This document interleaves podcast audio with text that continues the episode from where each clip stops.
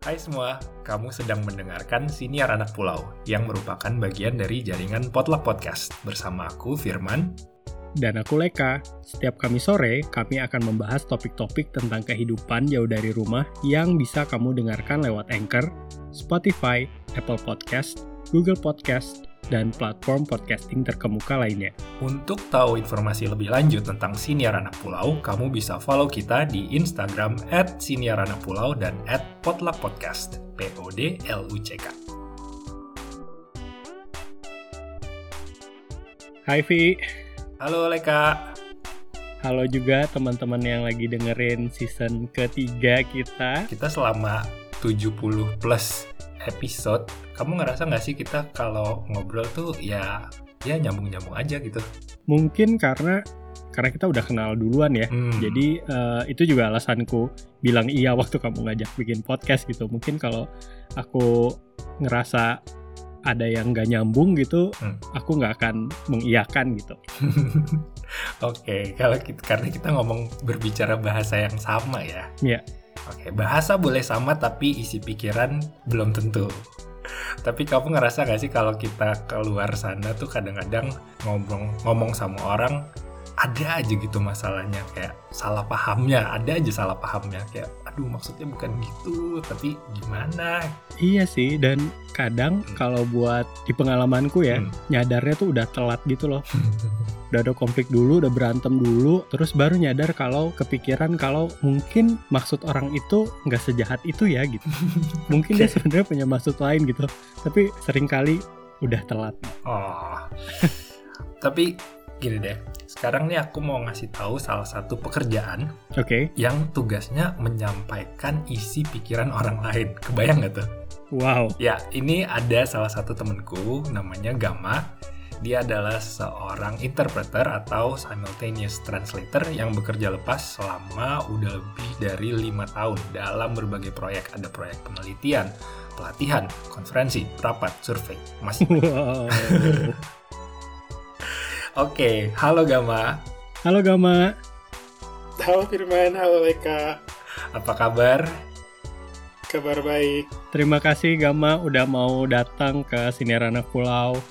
Terima kasih hmm. udah mengundang gue ke sini. Mungkin pertanyaan pertama ya, ini hmm. pekerjaan interpreter atau tadi simultaneous translator itu apa sih Gama? Uh, kalau interpreter atau simultaneous translator itu jadi uh, intinya sih menerjemahkan apa yang diucapkan sama orang buat orang yang pengen ngerti uh, ucapan orang lain itu tapi dalam bahasa mereka gitu. Kayak ya. misalnya yeah. uh, ada orang yang ngomongnya pakai bahasa Inggris, terus dia pengen ngerti percakapan dalam bahasa Indonesia, tapi dia nggak bisa bahasa Indonesia misalnya. Hmm. Terus mereka akan istilahnya menggunakan jasa si interpreter atau simultaneous translator untuk menjembatani komunikasi antara ya orang yang berbahasa Indonesia dengan bahasa Inggris gitu. Kalau ah, di kasus okay. aku, karena aku bisanya bahasa Indonesia sama bahasa Inggris sih. Oke. Okay. Kayak kamus ya berarti kamus berjalannya nggak sih kalau misalnya kita nggak bukan ya? Bukan, jadi kan mereka tuh nggak apa namanya nggak nggak nanya kata per kata kan, jadi kayak hmm. percakapan gitu. Jadi kadang ada yang namanya simultaneous translation, simultaneous interpreting, ada yang namanya consecutive. Kalau hmm. yang simultaneous itu jadi misalnya orangnya lagi ngomong nih, jadi kita sambil dengerin orang itu ngomong, kita nerjemahin juga ke bahasa Inggris atau bahasa Indonesia misalnya. Kita kayak misalnya buat bisa jadi training atau misalnya bisa pelatihan atau bisa juga buat uh, interpreting buat uh, survei atau misalnya hmm. bisa juga untuk rapat juga bisa. Jadi misalnya peserta rapatnya tuh ada orang Indonesia dan ada orang orang yang ngerti bahasa Indonesia tapi ngerti bahasa Inggris. Jadi nanti pas orang Indonesia yang ngomong, hmm. aku terjemahin langsung ke bahasa Inggris. Terus kalau pas orang Inggris yang ngomong, aku terjemahin langsung ke bahasa Indonesia kayak gitu. Oke. Okay. Hmm. Oke, okay, berarti kayak berpindah-pindah switching ya? Iya, yeah, switching sih. Code switching sih mungkin ada istilahnya kayak hmm, gitu. Okay. Jadi harus bisa switch. Tapi mostly kerja sebagian besar kerjaan aku sih sebenarnya bukan buat rapat atau conference. Uh, sebagian besar kerjaan aku tuh sebenarnya istilahnya simultaneous uh, translator. Karena itu beda antara interpreter dengan simultaneous translator itu kalau misalnya inter simultaneous translator itu biasanya sih buat project-project market research. Kalau interpreter biasanya buat project-project kayak rapat kayak gitu atau misalnya pelatihan kayak gitu. Oke, aku Oke. kalau dengar simultaneous nih kebayangnya eh, obrolan atau pembicaraan yang spontan. Kayaknya lebih susah nih. Ada suka dukanya nggak? banyak Hmm. banyak. Banget kalau misalnya ngomongin suka duka atau pengalaman kayak gitu. Karena kan kadang-kadang oh, kalau misalnya simultaneous itu kan spontan ya. Hmm. jadi eh, pada saat itu juga harus diterjemahin kan. Jadi misalnya ada ada satu pernah nih suatu kali untuk project eh, ipo- adalah suatu project itu aku nggak bisa bilang projectnya apa. Iya. tapi eh, ada satu orang yang diwawancara tentang bagaimana dia masak gitu kan. Terus dia nyebutin dong bahan-bahannya apa aja. Terus dia nyebutin kata bawang gitu kan. Terus aku udah langsung eh, terjemahin ke onion gitu kan. Oke udah pede banget tuh ngomong onion. Ternyata si ibu ini bilang bawang merah. Terus aku kayak hah? Jadi aku salah terjemahin dong tadi. Kayaknya banyak banget sih kayak misalnya eh, yang kayak gitu tuh banyak banget. Atau misalnya eh, ada lagi tuh kayak misalnya si ibu-ibu ini lagi diwawancara tentang anaknya gitu kan. Hmm. oh iya itu sebenarnya anak saya sih min apa ini tuh ada resepnya jadi saya kasih ini karena ada resepnya. Terus aku terjemahinnya oh ini kayaknya resepi deh. Terus dia si ibu itu bilang iya resep dokter. Terus kayak hmm, salah lagi nih. Kayak sering banget tuh kayak gitu. Jadi kayak kita udah kayak udah kayak pede banget nih nerjemahinnya ternyata dia nyebutin kata lain setelah itu yang kayak ngeganti kayak semuanya gitu apa yang harusnya diterjemahin I see. Oke. Nge- Ngubah konteks ya. Iya, beneran kayak ngubah konteks. Atau kayak pernah juga nih ada satu ibu-ibu yang lagi diwawancara juga nih. Jadi dia bilang, oh in- eh, ini tuh apa ya? Eh, gambar ini melambangkan apa ya? Kata Hmm. si eh, si apa si yang wawancara dia gitu kan. Terus si ibu-ibu itu jawab, oh ini tuh eh, melambangkan eh, rasa. Terus kan mikirnya karena itu gambar suatu barang, produk gitu kan.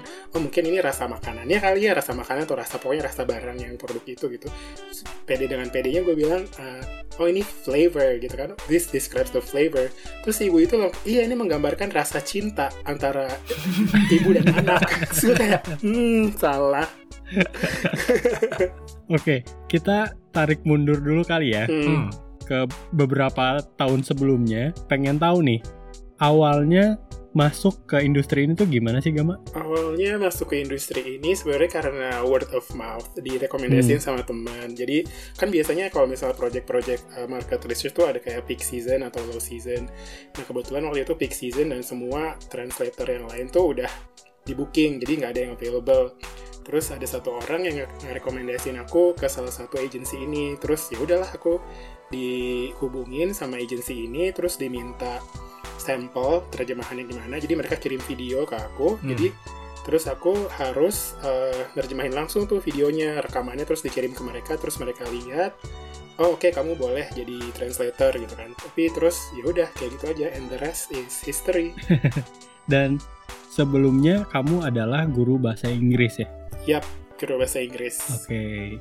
Nah, eh, ini juga nih yang yang lumayan menarik nih. Tadi kita eh, sempat ngobrol sebelum rekaman.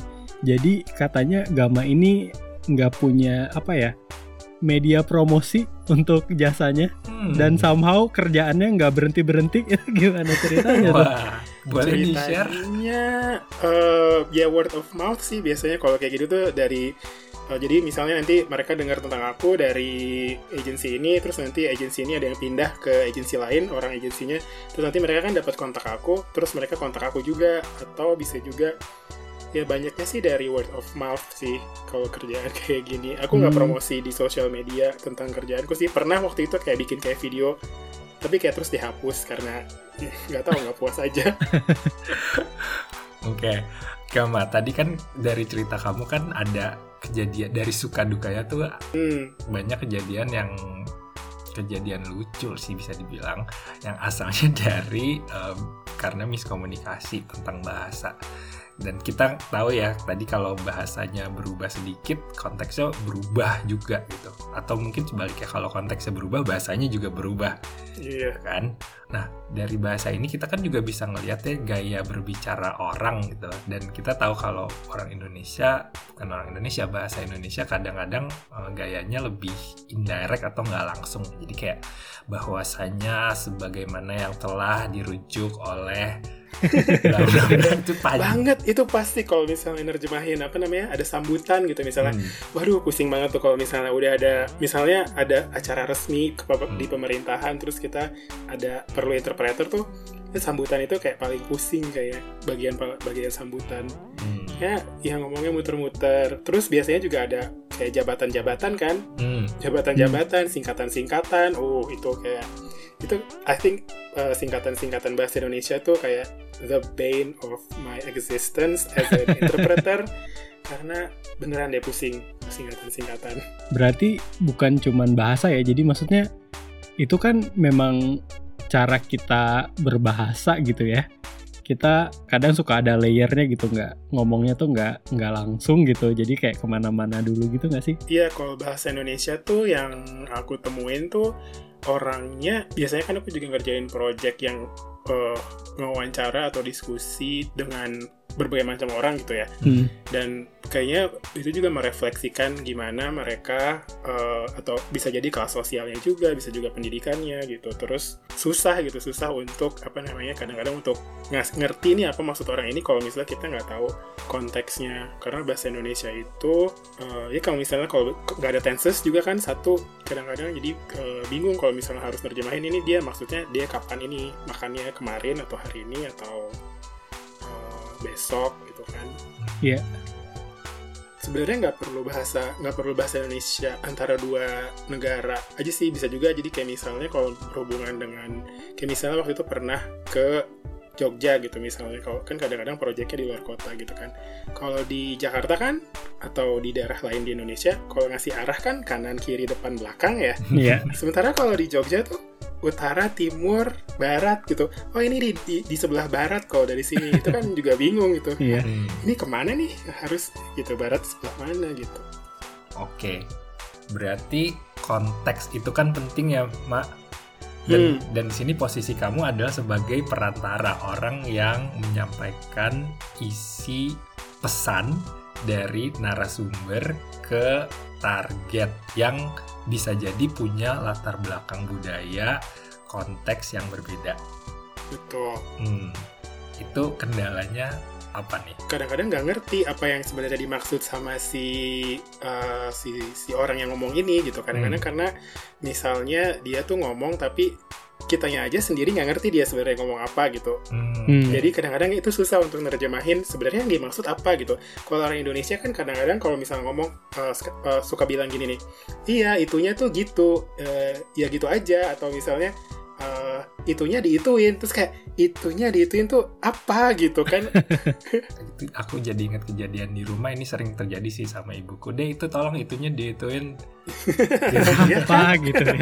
Ya tapi itu tapi apa kita gitu. karena iya.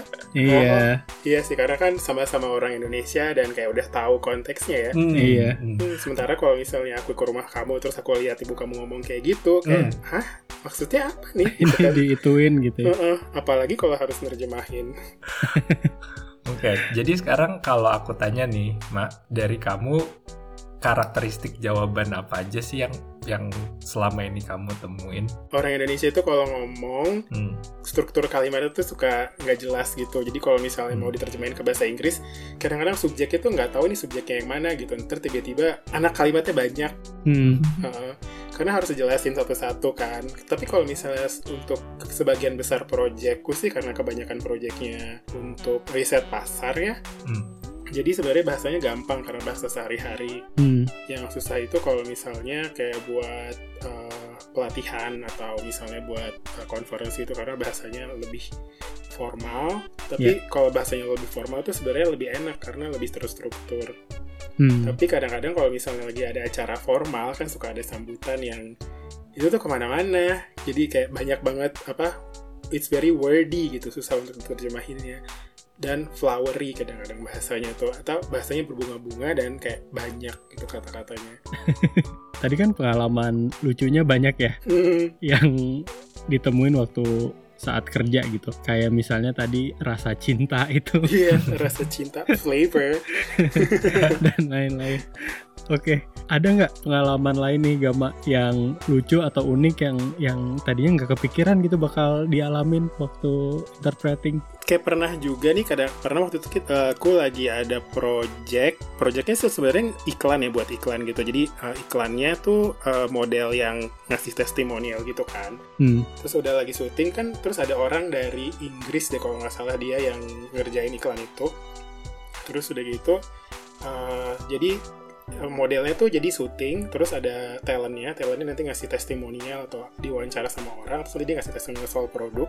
Jadi kan aku nerjemahin nih supaya bisa dapat apa sound bites atau bagian mana yang mau dimasukin ke dalam iklannya gitu kan. oke. Habis itu, pas semuanya udah selesai nih, terus dari production house-nya tuh nanya, "Ah, besok ada kerjaan nggak? Enggak, kenapa? Oh iya ini orang dari, apa namanya, dari agensinya minta diantar buat ini, buat apa, bird watching. Eh, aku tuh harus janjian sama dia jam 4 pagi. Karena kan Wow. kalau mau ngelihat burung tuh burung tuh aktifnya pagi-pagi kan. Jadi sementara flightnya dia tuh kayak malam gitu kan. Jadi nggak bisa sore dong karena bakal telat. Hmm, Eh, karena burung tuh aktifnya pagi sama sore pas mereka cari makan. Sementara siang-siang burung itu tidur gitu jadi nggak bisa dilihat.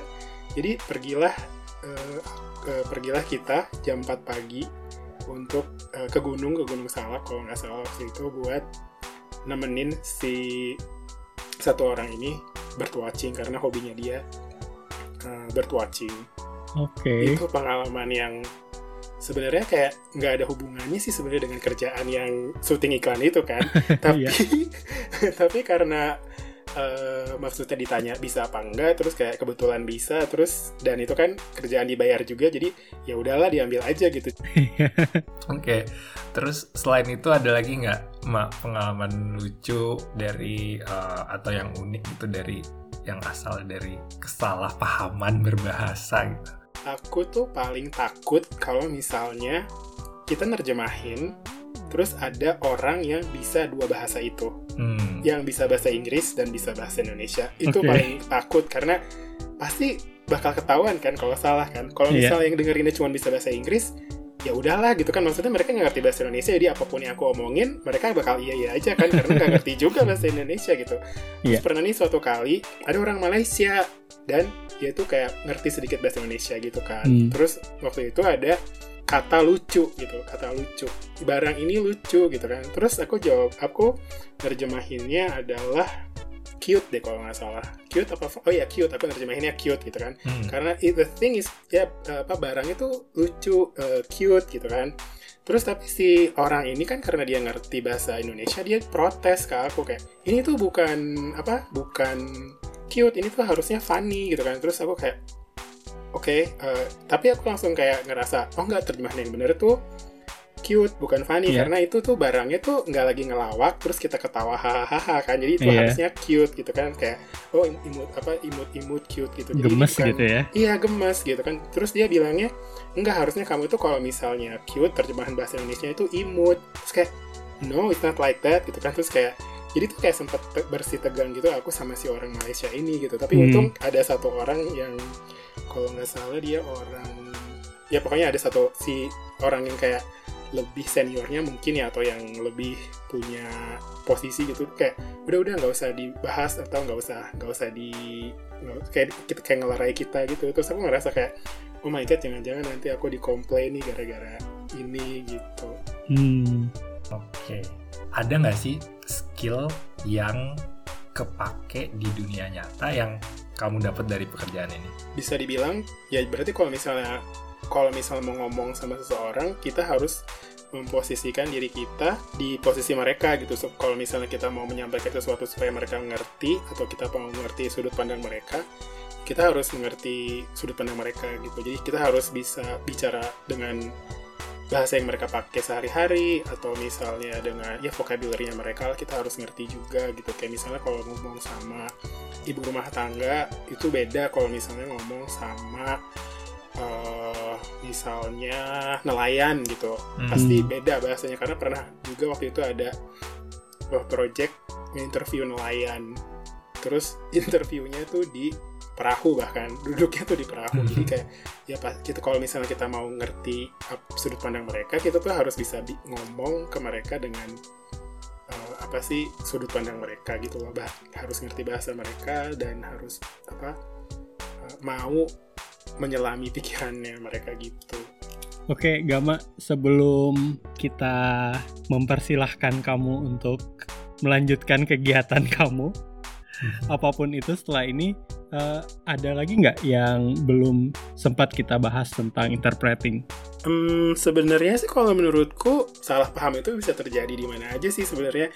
Ya. Nggak nggak hanya kalau kita berbicara dalam bahasa yang berbeda, bahkan dengan bahasa yang sama, misalnya bahasa Indonesia itu bisa juga terjadi kesalahpahaman gitu kan. Karena pernah nih aku waktu itu kan ada job di Makassar. Hmm, Terus tuh aku ke buka biasanya sih buka app gitu kan. Nyari apa nih yang enak di sini. Terus ada yang namanya sop ubi. Nah penasaran dong sop ubi tuh sop ubi tuh apa ya? Ubi kan aku mikirnya ubi tuh ubi yang oranye atau ungu kan. Hmm. yang ubi yang apa sih yang rasanya manis gitu kan. Ya. ubi rebus biasanya atau digoreng gitu kan. Tapi ini sop ubi gitu. Tapi pas aku sampai sana ternyata itu sop pakai apa coba? Pakai singkong. Oke, jadi kayak hah kok ubi kok singkong sih kalau di sini gitu nyebutnya iya. kayak iya jadi kayak pakai singkong singkong goreng terus kayak oh gitu ya Hmm. Tapi ya Gama, aku nggak terlalu aneh sama singkong dan ubi itu karena eh, dari tempat asalku di Kalimantan itu juga orang-orang nyebut singkong itu ubi. oh ya Iya, wow aku baru tahu. kayak ubi jalar kali ya jadinya kalau ubi jalar itu ubi. Kalau ubi aja itu singkong. oh ya ampun Jadi aku familiar sama sama perbedaannya. Tapi I can see uh, itu bisa jadi membingungkan untuk uh, beberapa orang. Hmm. Oke Gama, tadi kan sempat mention juga ya kalau uh, semuanya itu dari uh, mulut ke mulut gitu, Uh, nggak ada promo lewat media. Nah kalau misalnya ada teman-teman siniar anak pulau yang mau kenal Gama lebih lanjut atau mau nanya-nanya tentang cara jadi interpreter itu ke mana nih? bisa lewat oh boleh promosi nih ya Boleh dong. Boleh banget. Boleh. bisa lewat Twitter atau Instagram boleh Ya. ya Aristogama aja username-nya sama di semua sosial media eh, Aristogama Hmm. Oke. Brand name-nya sama ya. brand name-nya sama semua di semua platform Oke, terima kasih Gama. Terima Udah kasih ngobrol. Gama. Ngobrol sama Sama, kita. terima kasih sudah mengundang Terima kasih juga buat kamu yang udah ngedengerin episode Sinar Anak Pulau kali ini. Kita pengen denger nih, menurut kamu gimana sih pekerjaan eh, interpreter ini? Atau mungkin ada yang mau kamu tanyakan? Bisa DM kita di Instagram kita @sinaranak pulau.